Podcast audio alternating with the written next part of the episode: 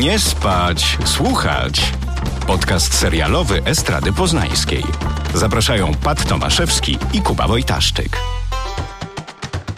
74, 75 i 80. Tak. Kubo Wojtaszczyku. 80 odcinek Nie spać, słuchać. I jak się z tym czujesz? Wspaniale, jeszcze 20 i koniec.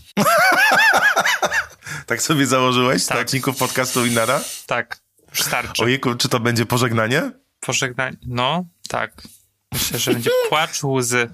Pożegnanie z Kubą. Jak pożegnanie z Marią. E, Malczewskiego. tak, to ja, tak właśnie będę wyglądać jak Maria. Dzisiaj odcinek numer 80, w związku z tym, że jest to odcinek okrągły, to będzie to a very special episode. O czym dziś, Kubo, pisarzu, człowieku? Taki tam, to jest taka ściema jak nie wiem, bo przecież zapowiadamy ten odcinek już od dwóch odcinków i nie możemy go w końcu przeprowadzić. No ale masz rację, trafiło się idealnie. Dzisiaj będziemy mm, rozmawiać o najlepszych według nas e, finałach e, seriali. I trzeba zaznaczyć, że to są seriale, które się skończyły. Nie mówimy o końcach sezonów. E, Uzgodniliśmy, że mm, wybieramy trzy tytuły. Nie podzieliliśmy się nimi wcześniej. Ej, no właśnie.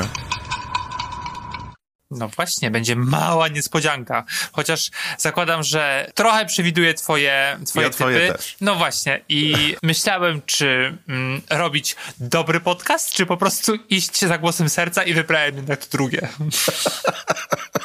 Jak będą tam różowe lata 70., to ja wychodzę, trzaskam drzwiami i to nagrywa się cisza. Przecież ja tego nie lubię. Ja już wszystkim mówię, że to jest twój ulubiony serial. No kiedyś był. Może nie ulubiony, ale bardzo lubiłem. Powiem ci, że nie było to łatwe zadanie, bo dla nas pewnie, którzy nadużywają telewizji i oglądają tego bardzo dużo, tych seriali, które zakończyły się, no to liczysz w setki tysiące. Ja sobie wczoraj odkurzyłem bibliotekę DVD, bo kiedyś się kupowało seriale na DVD, jak nie było streamingów, żeby wrócić do niektórych odcinków i patrzyłem, które płyty mam zajechane, czyli oglądałem je non-stop, no i jest dużo takich produkcji, no i od lat 80., 90. starałem sobie przypomnieć, czy pamiętam z dzieciństwa zakończenie serialu, które jakoś, wiesz, tak gdzieś utknęło między tymi szufladkami z wiedzą e, niepotrzebną. I przypomniało mi się, jak w telewizji kończył się ten oryginalny serial Robin Hooda. Nie wiem, czy Okej. pamiętasz to jeszcze. To był początek chyba lat 90. albo końcówka 80 Nie wiem. gdzie cała drużyna e, Robin Hooda strzelała z łuku zapalone strzały w kierunku jeziora. A, no tak. Pamiętam tak. bardzo wyraźnie ten moment, w którym odwróciłem się od telewizora, bo usłyszałem takie... To było moje granie aktorskie. I odwróciłem się i zobaczyłem jeden z rzadkich momentów, kiedy moja mama i moja babcia jednocześnie ryczały przy telewizorze. I wtedy odkryłem, jaką potęgę ma ta mała skrzyneczka w domu. Ryczały tak, żeby był spokój. Nie kłóciły się. No ja nie mam takiego chyba serialu z dzieciństwa czy z młodości, z młodości, że jakby pamiętam wyraźnie, że skończył ten sezon i po prostu nie wiem, płakałem czy whatever, ale za to już z takiego bardziej świadomego oglądania jak najbardziej.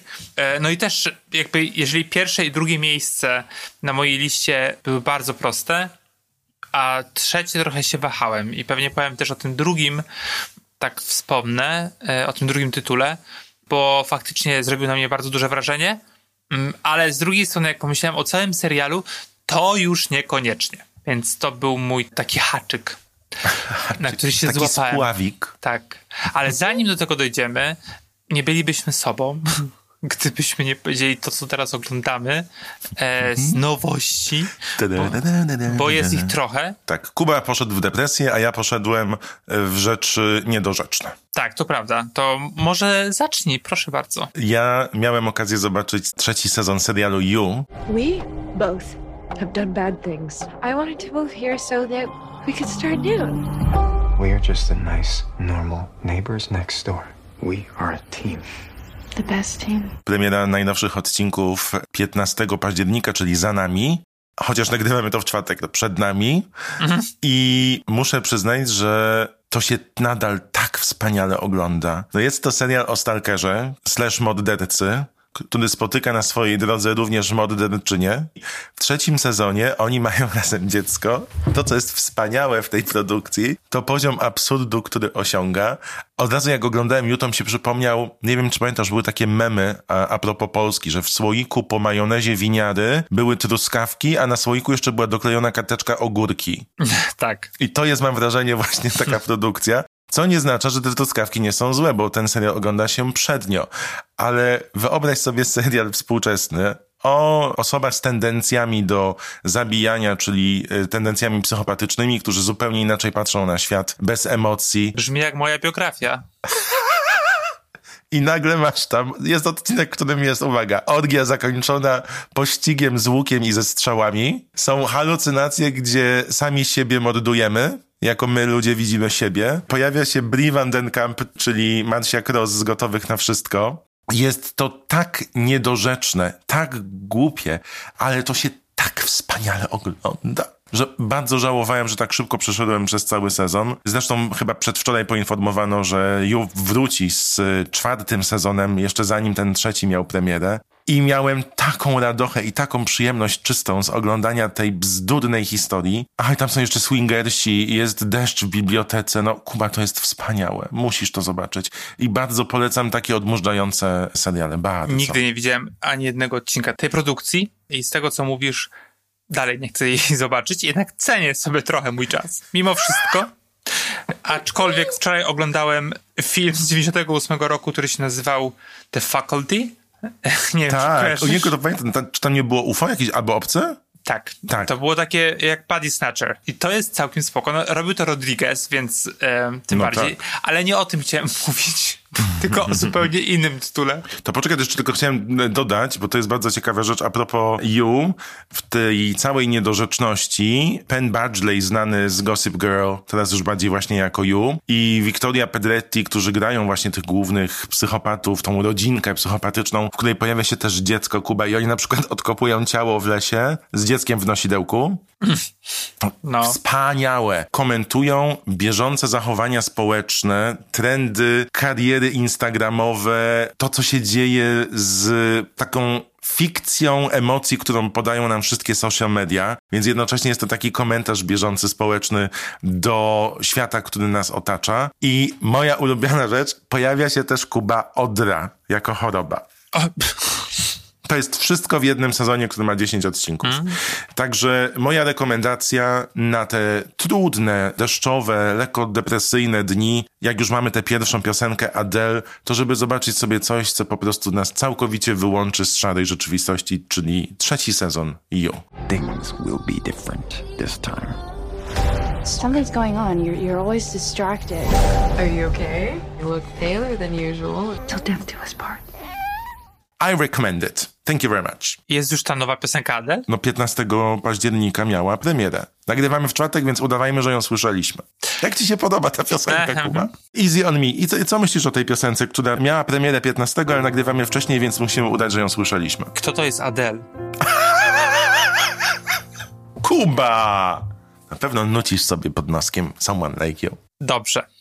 Ja nie oglądam takich seriali jak Pat, aczkolwiek jeżeli pojawiają się filmy, to y, wręcz przeciwnie. Ale być może dlatego, że po prostu ilość odcinków cringe'owych, w sensie przed 10 godzin, jest dla mnie za dużo. Super jest. Tak, półtorej godziny, okej, nawet dwie. W każdym razie, ja wybrałem serial, który jest nowością na Netflixie. Nazywa się Służąca, Maid. Before they hit you, they hit near you. Before they bite, they bark. My mom is undiagnosed bipolar and she's MIA right now. I wanted to be a writer, but I got pregnant. Our space is a home because we love each other in it. I jest to opowieść o biednej stronie Ameryki, e, gdzie młoda matka po ucieczce z domu od dręczącego ją psychicznie męża próbuje wiązać koniec z końcu, ko, koniec z koń, e, Jezu, koniec z końcu, jak to się mówi? Koniec, ko, koniec, Koniec z końcem. koniec z końcem? Koniec z końców może. A propos finałów, to bardzo ładne określenie. No, koniec z końcem, sprzątając domy bogatych ludzi, nawet nie bogatych, generalnie sprzątając domy, ale takie po prostu chyba mniej niż średnia krajowa amerykańska.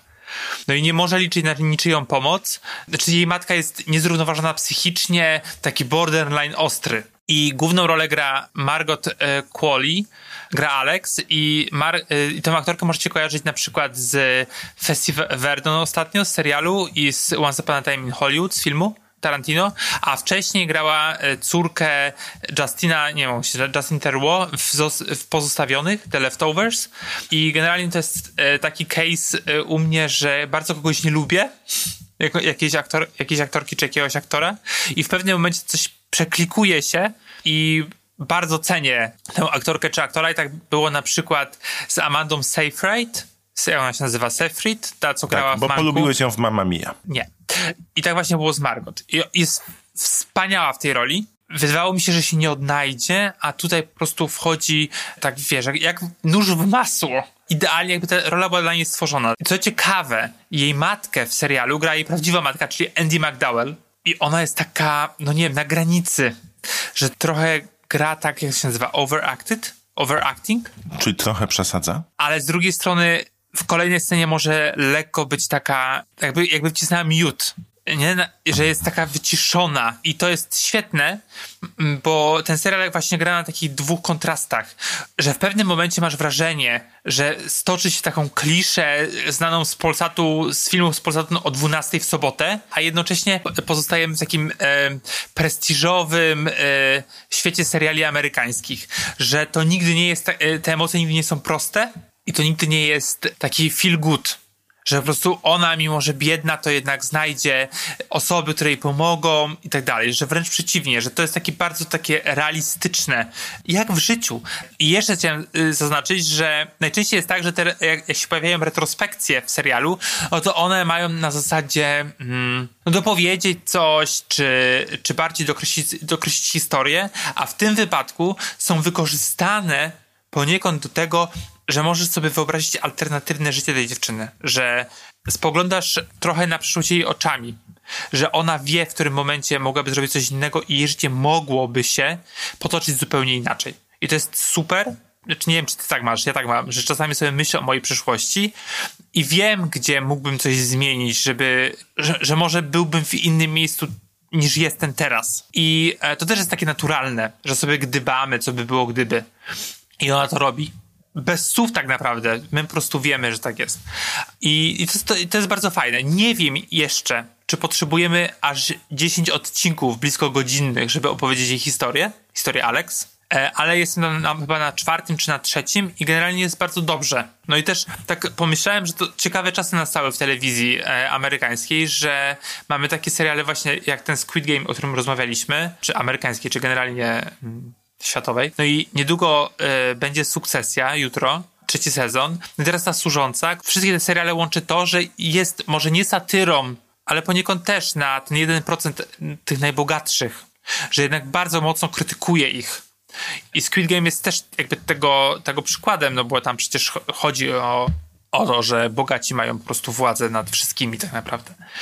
Mm, I to jest ciekawe, mm, takie ciekawe trio. E, tak sobie pomyślałem, że, że to mogą być takie, wiesz, potrójne oglądanie tych seriali, że idealnie do siebie pasują. Ja włączyłem tą mail, ale dla mnie to jest za duża depra.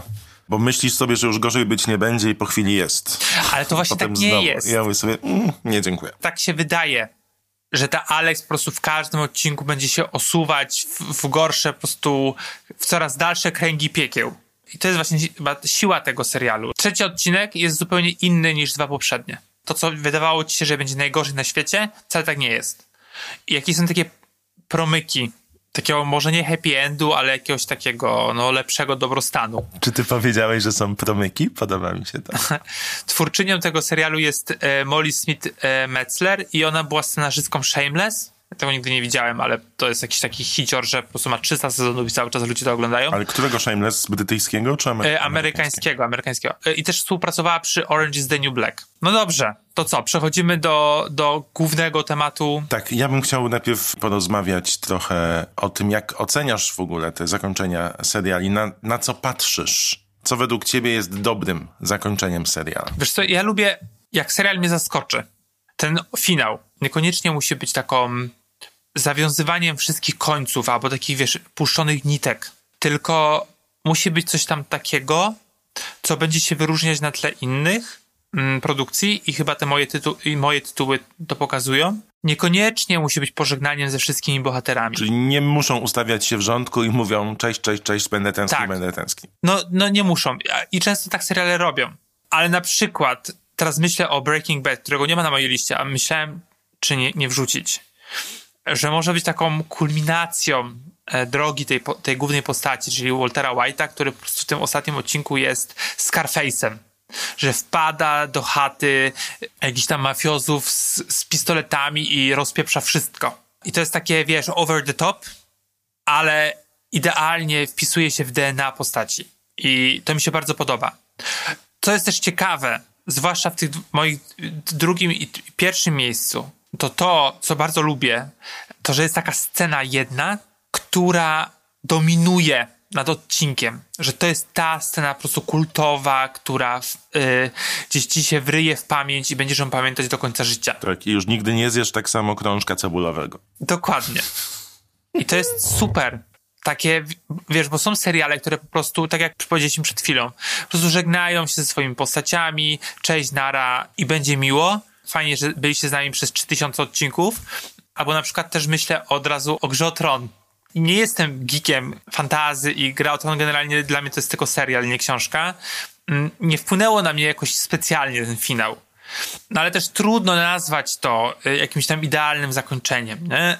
Y, serialu, że postaci nagle zachowują się inaczej niż były malowane przez, przez lata. Tego szukam, że po prostu będzie to wszystko koherentne ze sobą, ale jednocześnie gdzieś mnie zaskoczy coś. Scenarzyści, producenci zrobią coś innego. Takiego, ale jednocześnie wiesz, wpis, wpisanego w to DNA serialu, który kocham i uwielbiam. Tak, no ja przestudiowałem trochę temat zakończeń seriali i filmów i są tak, że na przykład to zależy też czasem od kultury, bo w kulturach latynoamerykańskich, gdzie królują telenowele, uznaje się na przykład idealne zakończenie ślubem i pocałunkiem. No, I jest taki cykl na YouTubie Funny or Die, nazywa się Telenovelas Are Hell. Kiedyś o nim opowiadałem w polecajkach. Because in a telenovela, everyone's life is hell. Polega to na tym, że jedna osoba ogląda całą telenowelę, skraca ją i w trzy minuty opowiada całą historię, pokazując niedorzeczność telenowel latynoamerykańskich i brazylijskich. I jest to o tyle fantastyczne, że rzeczywiście ja pamiętam, tak jak pamiętam tego Robin Hooda, że czas wolny w domu wypełniały zawsze telenowele brazylijskie od Polonii 1 przez RTL 7 na wszystkich tych kanałach, które już nie istnieją. I one wszystkie zawsze miały te same zakończenia, czyli jak Esmeralda się kończyła, to był ślub, jak Maria z Przedmieścia się kończyła, to był ślub, jak La Usurpatora, y, czyli Paulina po polsku bardzo ładnie przetłumaczone, kończyła się, to był ślub. Rosalinda też miała ślub i mówię sobie, wspaniale. One day later, everyone is super happy and not traumatized at all by the insane shit that's just happened. The novela ends with Maria and her stepbrother suck face in front of this parrot. The end. Jest też trend na przykład taki, trzeba pokazać, że bohaterowie się super ze sobą dogadywali, trzeba potańczyć na przykład na końcu, nie? I to jest wspólna impreza i kamera ucieka. I tak zakończyła się telenowela, którą oglądał cały świat. Znaczy telenowela to jest przesadzone, czyli Beverly Hills 90210 do piosenki Celebrate, Celebrate Good Times, Come On! Na ślubie Dony i Davida cała paczka tańczyła. Są wspominki, są oczywiście też zakończenia trudne, gdzie pokazujemy przyszłość bohaterów albo śmierć i, i w jaki sposób ona zadziałała na resztę świata. Niektórzy zostają prezydentami i nie tylko. No po prostu są to wspaniałe rzeczy. I jak się zagłębiłem w ten temat przed przygotowaniem do tego odcinka, to jednak doszedłem do wniosku, że to jest niezwykle trudne zadanie.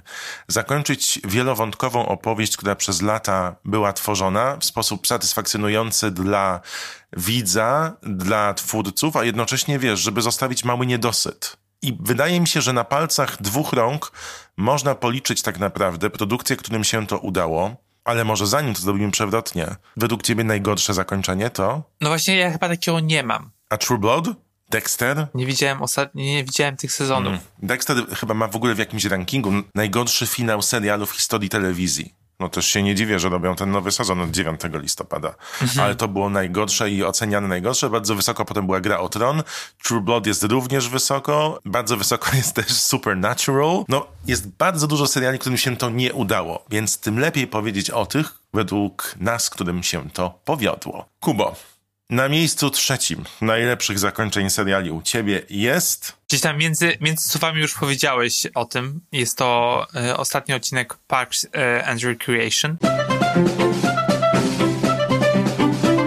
Co zwróciło moją uwagę? Największym plusem dla mnie jest wykorzystanie, świetne wykorzystanie, co jest bardzo trudne, skoków w przyszłość, jakby pokazaniu, jak będzie życie bohaterów wyglądać za wiele lat. I jest to wszystko łzawe, ale przez to, że mm, tak naprawdę oni się ze sobą przyjaźnili na, na planie tego, tego serialu i widzowie przez te y, ile? 7 sezonów? 6 sezonów? 7 sezonów. Zżyli się i Wicki zżyły y, z nimi, no to jakby to właśnie no pasowało. Jakby to znaczy y, po prostu twórcy i twórczyni trafili w sedno uczuć swoich, jakby to, co czuli do, do tej produkcji, jak i do widzów i, i i, i, i, i Widzek. Co, co można też brać za minus tego sezonu, czy tego odcinka, to to, że to jest po prostu ukłon tylko i wyłącznie w stronę fanów i fanek. Widać na przykład, jak obejrzałem sobie wczoraj, e, odświeżyłem, wiesz, że oni tam czasami wychodzą z roli, że to jest bardzo takie widoczne, a je, ale wiesz, wiesz o tym, jak oglądasz te wszystkie odcinki, że no co się zdarzało i to było być może celowe, być może nie, ale jakby ta taka prawdziwość tych postaci i to takie zżycie się aktorskie z nimi, mm, no też jest w jakiś sposób właśnie tym takim DNA, o którym już wspominałem, mm, serialu. I co mi się przypomniało, jak oglądałem to, te ostatnie odcinki, zawsze jak kończy się serial, mam takie z jednej strony poczucie ulgi, że już te wszystkie się skończyło po prostu, bo najczęściej to jest tak, że po prostu recapujesz to i masz do obejrzenia, nie wiem, 100 odcinków, czy 60, czy no wiesz, dużo. I po prostu już mówisz, to już się nie chce w pewnym momencie tego oglądać, ale jednocześnie jesteś tak wciągnięty, że chcesz kontynuować tę przygodę. No i jest to poczucie ulgi na koniec, ale jednocześnie już ta tęsknota, że, że pojutrze nie włączysz kolejnego odcinka. Bo jest za wcześnie, żeby robić recap, a wiesz, no już jakby koniec, historia się skończyła. No i tak też jest w tym, w tym wypadku. I to, i, to, I to jest siła tego odcinka, że postanowiono iść do przodu i pokazać, co się będzie działo, dlatego, że możesz sobie wyobrazić, że jakby zostawiasz, y, zostawiasz tych ludzi w dobrym miejscu, że oni sobie poradzą, że, że ich życie będzie fajne. I możesz sobie snuć sam tę historię, że jak, jak, co będzie dalej przez te wszystkie lata, jak Leslie z, z, z gubernatorki stanie się prezydentką. E, zwłaszcza, że Amy Pollard przecież grała wielokrotnie Hillary Clinton w SNL-u, więc jakby to też jest jakby wpisane w, w nią, w, te, w, jakby w tę aktorkę. I to mi się bardzo podoba. Nie wiem, czy chcesz się też wypowiedzieć, bo to jest jeden z twoich ulubionych seriali. Ja mam tak, że bardzo lubię sezon drugi, trzeci, czwarty i piąty. Mniej lubię szósty, a do siódmego nigdy nie wróciłem. Z- zobaczyłem go tylko raz, bo on w ogóle zaczyna się przeskokiem w czasie. On jest chyba trzy lata później niż finał szóstego sezonu, bo w finale szóstego sezonu już przeskoczyli do przyszłości. Zresztą na początku tam Leslie z Donem nie rozmawiają ze sobą, dopiero mają ten swój odcinek, gdzie wyrzucają wszystkie frustracje zamknięci przymusowo przez swoich przyjaciół. I jakoś mnie on tak emocjonalnie nie złapał i chyba mm, jak przypominałem sobie te finały wszystkie, to zwróciłem uwagę, że to jest finał, który zobaczyłem tylko raz. I może to jest dlatego, że ja tak bardzo czasem lubię seriale, że nie chcę, żeby się skończyły w mojej głowie, co jest w ogóle bardzo ciekawe z punktu widzenia psychologicznego, bo na przykład mam produkcje, w których nadal nie zobaczyłem finałowego odcinka, bo dzięki temu w mojej głowie one nadal jeszcze trwają i jeszcze mam czas, żeby go zobaczyć. Oszalałeś. Tak mam z Rectifyem na przykład. Bardzo lubię ten serial, ale nie chcę, żeby się skończył, mimo że to już jest chyba z 5 lat i jeszcze ten finałowy odcinek gdzieś tam siedzi. Podejrzewam, że szybko go nie zobaczę. Z Parks and Recreation jest tak samo, że wracam sobie często do tych odcinków z sezonów wcześniejszych. Podobnie mam z Biurem. Uważam, że drugi, trzeci i czwarty sezon to są najlepsze sezony tego serialu i bardzo często też wracam do tych odcinków. Ale pamiętam, że to była taka ładna kokarda, że dała jeszcze taką możliwość zobaczenia, gdzie te postaci wylądują. Że nie musimy się o nie martwić, wiemy w którym kierunku idą, a jednocześnie nie było to tak definitywnie zakończone, nie? Tak, tak. No, to, to znaczy, podniosę się do tego, co powiedziałeś, że jakby ten sezon nie jest najlepszy. On Jakby historycznie Parks Recreation wielokrotnie miał być kancelowany i znaczy już miałby się kończyć. Tak, bo to nie był sukces, ym, jeżeli chodzi o rekord oglądalności na NBC. Tak, no i jednak cały czas wracali. No i teraz jest uważany za taką klasykę gatunku i serial ikoniczny. I pamiętam, że jak skończyłem, ja widziałem ten serial tylko raz, w sensie cały sezon. Ostatnio sobie odświeżyłem chyba dwa sezony. E, No i po prostu z braku czasu jakby przerwałem e, tę przygodę, ale cały czas się trzyma. I To jest zabawne i fajne i to są super bohaterowie i bohaterki. I pamiętam, że po skończeniu tego całości oglądałem taki panel, który zorganizowano, właśnie nie pamiętam, na, na jakąś tam rocznicę taką okrągłą parku i e, no i to dalej jakby dla mnie, we mnie zostało, że ja lubiłem tych bohaterów. No i to też, jakby pozostając też w temacie og- ogólnym e, tych, tych seriali i finałów, to jest właśnie to, że jakby, że ty kojarzysz, że ci aktorzy to są ci bohaterowie. Wiesz o co mi chodzi? Że patrzysz na nich i mówisz, kurde, że to była ta Leslie Knope, która tak w tobie po prostu została i, i to jest najlepsza rola Amy Polar i dla, dla mnie przynajmniej. I brakuje mi cały czas taki, do, teraz mi brakuje takich właśnie długich seriali, które zdefiniują w jakiś sposób telewizję, bo już takich się nie robi po prostu, no i, e, i tyle. I nikt już ci nie zrobi siedmiosezonowego serialu, chyba, że to będzie po prostu You, chociaż nie sądzę, że to tyle, tyle potrwa. Żeby to tyle trwało.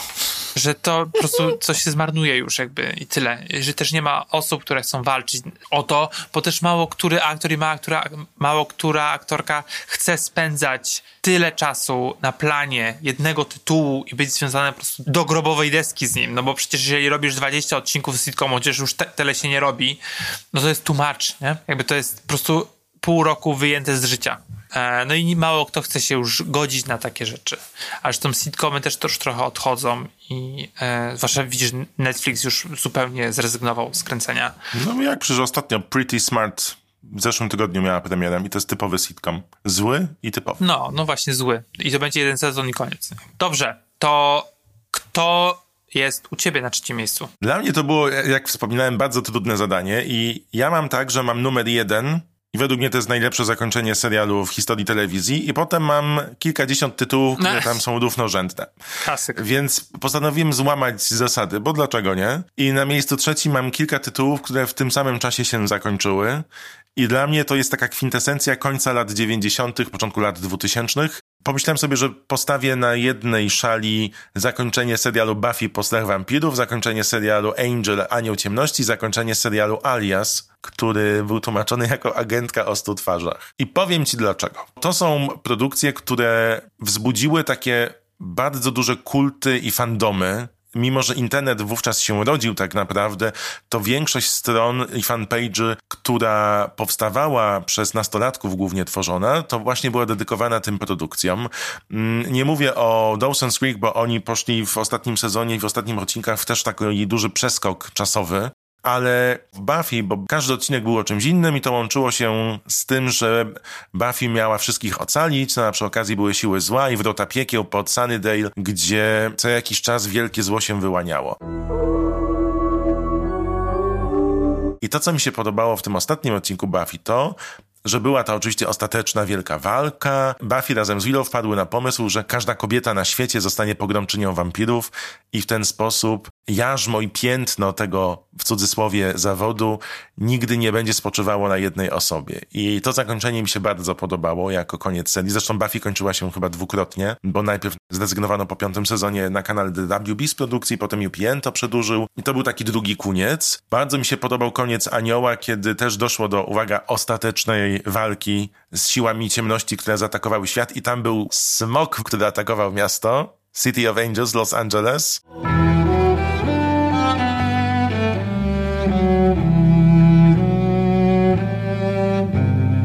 Cała drużyna, wiedząc, że nie wygra z tak ogromnym wrogiem, rzuciła się do walki. To było takie otwarte zakończenie, no ale wszyscy wiemy, co się dzieje.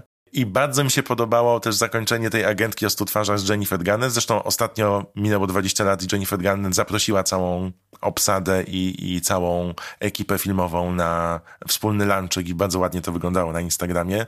Zobaczyć, jak po tych 20 latach każdy z bohaterów i każda z bohaterek wygląda.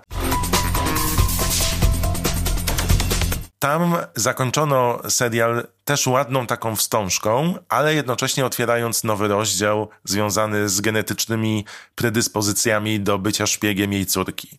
Nie widziałem tego od 20 lat, ale pamiętam, że jak to się skończyło, to tak zdobyłem takie, wiesz, a, no fajnie.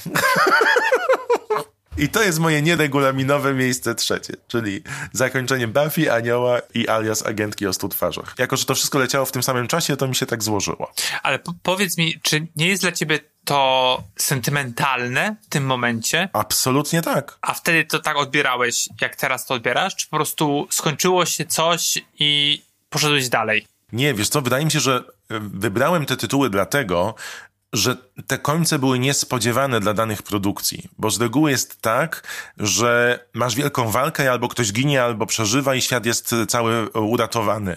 W przypadku Buffy było tak, że nie rozwiązano tych najważniejszych wątków, bo nadal było mnóstwo niebezpieczeństw na świecie, tylko postanowiono podzielić się tym darem, darem pogromczyni ze wszystkimi innymi. I to pamiętam, że mnie zaskoczyło i uważam, że to było bardzo mądre zakończenie to jarzmo i to była jednak klątwa dla tej Buffy, zostało podzielone, także każdy był nieszczęśliwy później. w serialu Angel to też, jeżeli masz do czynienia z taką historią, która buduje się przez pięć lat, gdzie wiesz, walczysz, on był wampirem, czy nie mógł umrzeć, ale miał duszę, więc nie mógł zabijać. No, generalnie bardzo ciekawa e, opcja, nawet po latach. Też nie spodziewałem się tego, że dojdzie do ostatecznego starcia, które nie zostanie rozwiązane. Zresztą, jeden z seriali, który pewnie u ciebie jest e, w czołówce z krążkami cebulowymi, jak był tworzony, to też w jednym z wywiadów e, showrunner mówił, że patrzył na rzeczy, które do tej pory miały miejsce Jasne. i otwarte zakończenia były mm, rzadkością, ale jednak bardzo widoczne. No dobrze, to a propos półotwartych, półotwartych zakończeń.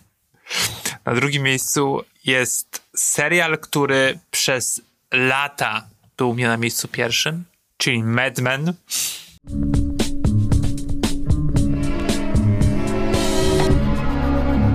Ja naprawdę jestem przewidywalny. Tytuł ostatniego odcinka to w cztery oczy. Person to person bodajże jest po angielsku. I to jest pierwszy z dwóch przykładów odcinka, którego scena główna, taka jedna, jest tak dominująca, że nie pamiętamy, co się zdarzyło w, w całym odcinku wzruszyłem się na maksa i śmiałem się i było wspaniałe. Ty się wzruszyłeś? No dobra, trochę przesadziłem. Ale bardzo mi się to podobało, bardzo mi się to podobało i uważam, że to jest świetny, świetny pomysł, odważny. A to w finale Peggy odchodzi z tej agencji w tej muzyce slow motion, czy to mm, wcześniej? Nie, to było wcześniej, to był chyba odcinek A, wcześniej. Kocham tę scenę. Jedna z najlepszych scen to jest jak Sally, czyli córka Dona, zmywa, a Betty siedzi przy stole w kuchni i pali fajkę i wiemy, tak. że umiera na raka. Tak, I tak, to jest tak. taka, wiesz, no zrównuje cię ta scena, tam nie ma żadnych słów.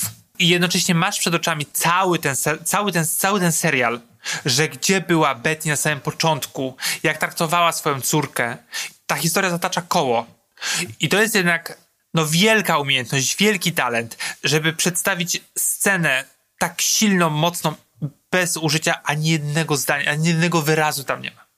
I to jest świetne. No ale oczywiście kluczowa scena to jest scena z Donem, czyli z protagonistą, który od dwóch odcinków bodajże przebywa, po prostu robi sobie taki, no taką podróż przez USA i przez swoje życie, niczym po prostu Kerouac przeżywa. Jest w drodze. Zwłaszcza, że on jest na takim retreacie. Wszystko jest w takiej scenerii, której moja bańka na Instagramie by po prostu, wiesz, się zabiła, żeby tam być i po prostu uzdrowienie kamieniami i kadzenie białą szałwią. I tamten Don, który jest po prostu, który jest po prostu jakimś takim kwintesencją kapitalizmu, w ogóle nie pasuje, więc to też jest takie granie na takich oczekiwaniach widza i widzki, co ten, ten bohater, który jest jednocześnie, no wiesz, to jest takim no trochę mu kibi znaczy kibicujesz mu, ale wiesz, że jest gnojem, nie? Na takiej zasadzie. Gnój to jest takie wspaniałe słowo. I, no bo on taki jest, no co, co, co dużo kryć. No i, na, i, i masz tę ostatnią scenę, gdzie on siedzi na jakimś tam wzgórzu z innymi po prostu osobami. Hipisami, hipiskami. No, głównie. No i robi to swoje om i ty już mówisz, to nie jest Don, to on nigdy by tak się nie zachował. I wśród tej uduchowionej grupy on wymyśla reklamę Coca-Coli, która jest najlepszą reklamą Coca-Coli, jest po prostu ikoniczna wręcz. I łączy najbardziej korporacyjny z korporacyjnych produktów z pokojem na świecie. No przecież to jest, to jest no, no koniec, n- najlepsze zakończenie świata. I ta piosenka na koniec, w sensie ta reklama, która była prawdziwą reklamą, którą y, y, stwor, stworzyła agencja reklamowa, dla której de facto Don pracuje w tym serialu. No wszystko się składa w jedną całość. Pamiętam, że jak skończyłem nawet już po raz drugi ten, ten serial, to tę reklamę oglądałem dziesiątki razy dziennie. I śpiewałem tę durną piosenkę, bo jest fantastyczna. I want to give a world. No, po, to po, powinno kawałek polecieć.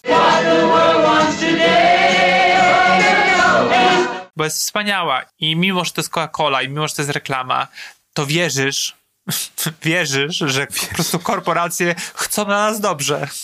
I to wymyślił, oczywiście fikcyjnie wymyślił Don Draper e, w finale e, Madmana i przez lata uważałem, że to jest mm, najlepsze zakończenie serialu ever. Też miałem to, ale wiedziałem, że będziesz miał, więc wykreśliłem. I zacząłem patrzeć sobie na takie świeże ostatnie rzeczy. Czy na przykład jakbym powiedział, że zakończenie Gambita Królowej, e, mimo że to serial limitowany, czy to by było godne drugiego miejsca. A potem sobie pomyślałem, że dużo łatwiej jest zakończyć opowieść kilkuodcinkową niż, wiesz, kilkuletnią. Tak, to prawda. Pomyślałem sobie, że dam tutaj kredyt twórcom serialu Homeland. An American prisoner of war has been turned. You said this in English. Yes, he whispered it into my ear right before the guards pulled me away. We need eyes and ears on Brody from the minute he steps off that plane. Never happened. But out of the question.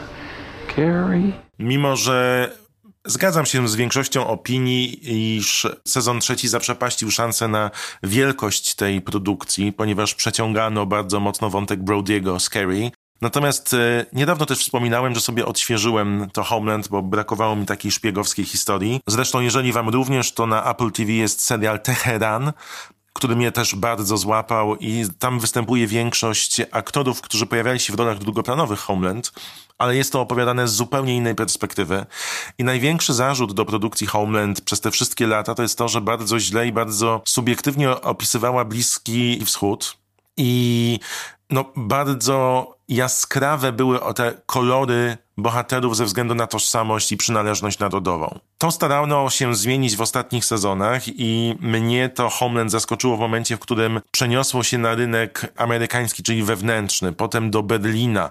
I w ostatnim sezonie postanowiono wrócić do Afganistanu, włożyć Kerry w buty Brody'ego. Czyli co by było, gdyby ona została podejrzewana o to, że jest szpiegiem działającym na korzyść Rosji. I ten plan ułożenia serialu na finałowy sezon, który ma bardzo dobre odcinki i zakończenie historii, która, no powiedzmy sobie szczerze, nie jest w 100% wiarygodna, ale serialowo daje taką ładną transformację bohaterki i jednocześnie taką grubą kreską podkreśla niełatwe życie osoby, która decyduje się na zawód szpiega i jakie konsekwencje ona niesie. Pamiętam, że mnie bardzo mocno złapało. Ja zresztą chyba ten ostatni sezon oglądałem niedawno, bo pamiętam, że w podcaście mówiłem o tym i opowiadałem o tym, jak, jak idę dalej z tymi odcinkami. Zresztą wszystkie osiem sezonów dostępne są na e, Netflixie u nas. I powiem ci, że zobaczyłem wczoraj sobie jeszcze raz ten finałowy odcinek i nie wiem, czy pamiętasz, Homeland miał zawsze muzykę jazzową, która mu towarzyszyła w czołówce i w niektórych scenach. Nie pamiętam.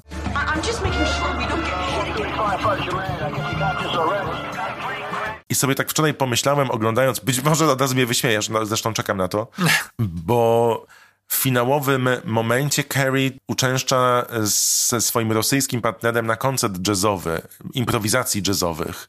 I tak sobie pomyślałem, że zarówno postać Carrie, jak i Sola, grana przez Mendiego Patenkina, odgrywają takie role muzyków jazzowych, takich profesjonalnych, którzy nie muszą, wiesz, ze sobą być non-stop, ale jak się spotykają, to wiedzą, jak zagrać, żeby to wyszło dobrze. I tak mnie zostawił ten serial ostatnio po zobaczeniu tego i mi się to spodobało i uważam, że to jest bardzo ładne zakończenie tej ośmioletniej historii, która rzeczywiście przedłużyła swoją gościnność, jak taka ciotka, która na kilka dni wpada i zostaje kilka tygodni. Czemu miałbym cię wyśmiać, że co, że jazz? Nie no, że idę do metafory mu muzyki.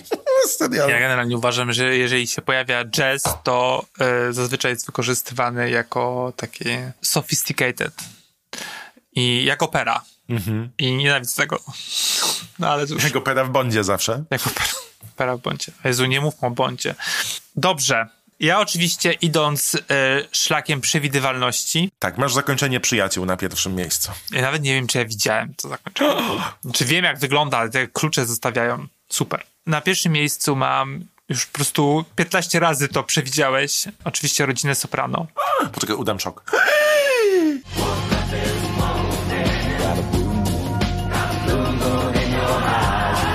Tytuł to jest Made in America Mm, i to jest mój ulubiony serial ever. Obejrzałem ostatnio e, ten film, który powstał, All Saints of Newark.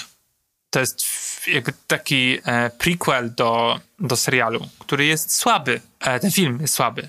Ale jednocześnie znowu gdzieś we mnie pobudził taką tęsknotę za tym serialem. Jak oglądałem Rodzinę Soprano, to nic o tym nie czytałem. Oczywiście wiedziałem, kto jest kto, ale nie miałem pojęcia, jak się skończy. Nie wiedziałem, o co będzie chodzić, e- jaka będzie fabuła. I nie wiem, czy zareagowałem tak na ten finał, jak, jak większość odbiorców wtedy, w 2000 którymś, już nie pamiętam, którzy nie wiedzieli, co się dzieje w tym finale, w, w ostatnich sekundach odcinka. Myśleli, że prąd wysiadł, że e, coś się popsuło, że telewizory nie działają, ponieważ ten odcinek kończy się 10-sekundowym zupełnym ściemnieniem ekranu.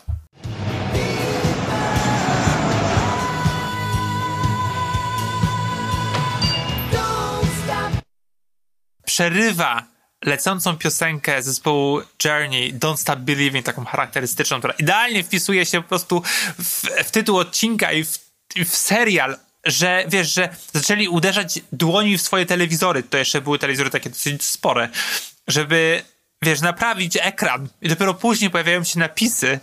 Akcja ostatniej sceny odbywa się w knajpce, gdzie spotyka się Tony, czeka na swoją żonę Carm, e, na swojego syna AJ'a i oni siadają przy, przy tym stole, popijają kole i jedzą właśnie onion ringsy, o których mówiłeś i czekają na Meadow, czyli na córkę, e, która się spóźnia. Usiłuje zaparkować samochód. Tak, i zaraz usiłują za, za, zaparkować samochód i leci ta piosenka Don't Stop Believing, którą włączył Tony wcześniej.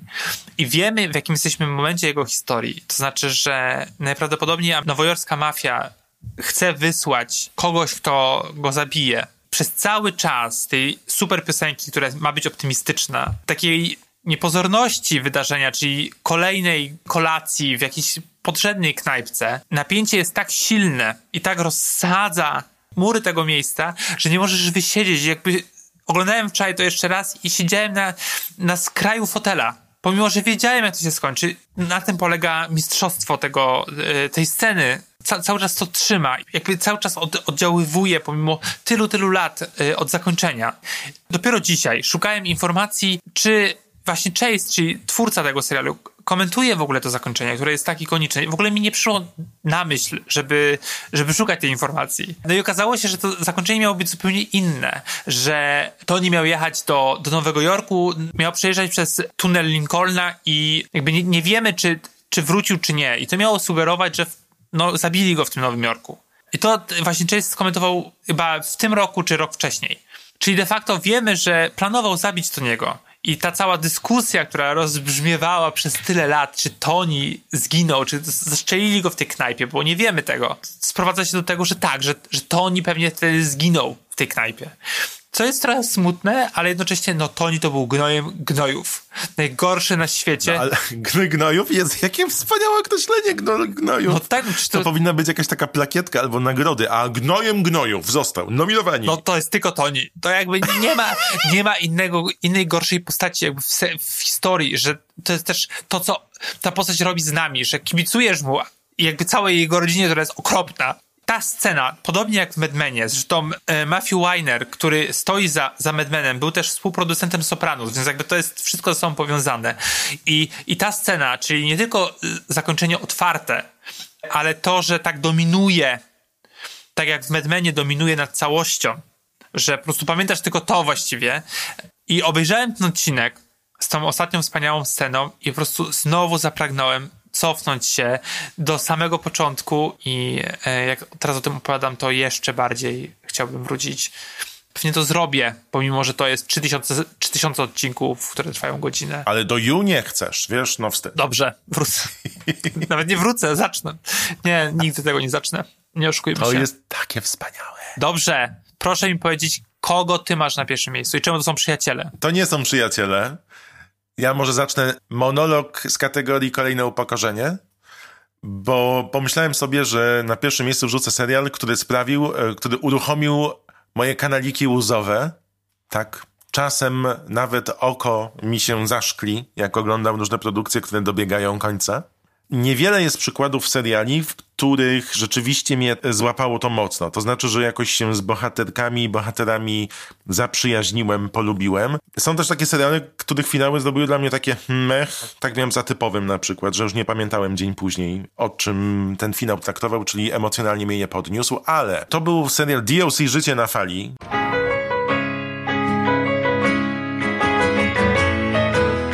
No nie! Który jakoś w tamtych latach tak polubiłem, że pamiętam, ryczałem, jak e, końcówkę nam pokazano, szczególnie gdzie w ostatnich scenach główny bohater robi to, co taki przybrany jego ojciec robi w pierwszym odcinku, czyli zwraca uwagę na potrzebującego pomocy młodego chłopaka i, podejrzewamy, że go adoptuje i, będzie jakoś próbował zmienić mu życie. Pamiętam, że płakałem właśnie na przyjaciołach. Pamiętam, że płakałem na um, Ali McBeal, jak się kończyła. You miss this? I never said I wouldn't miss it. Come on, let's dance.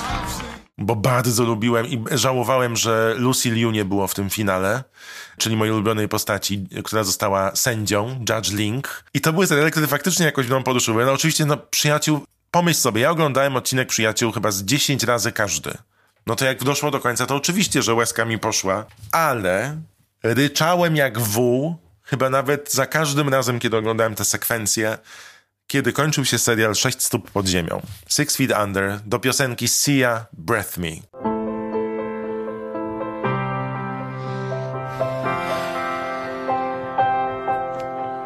którą zresztą Alan Ball bardzo mądrze wykorzystał w zwiastunie piątego sezonu, kiedy słuchaliśmy tego oglądając zwiastun nie wiedząc do czego się przygotowujemy.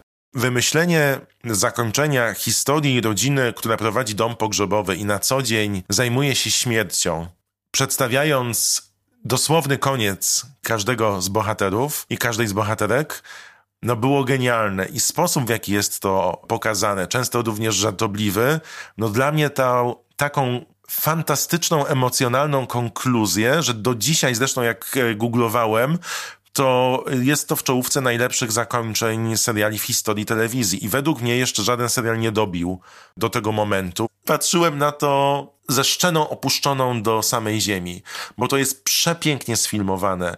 Wszystko dzieje się podczas podróży Claire do nowego rozdziału swojego życia, kiedy opuszcza ten rodzinny dom i, i jedzie spełnić marzenia i widzimy te sekwencje przyszłości. Dowiadujemy się, że ona dożyła 100 lat. I to było tak jakoś emocjonalnie skonstruowane, że poruszyło każdą z moich strun. Czułe struny poruszyło. Pozdrawiam Natalię. No tak, tak, jakby ja oczywiście nie widziałem sześciu stóp pod ziemią do końca. Żałuję tego.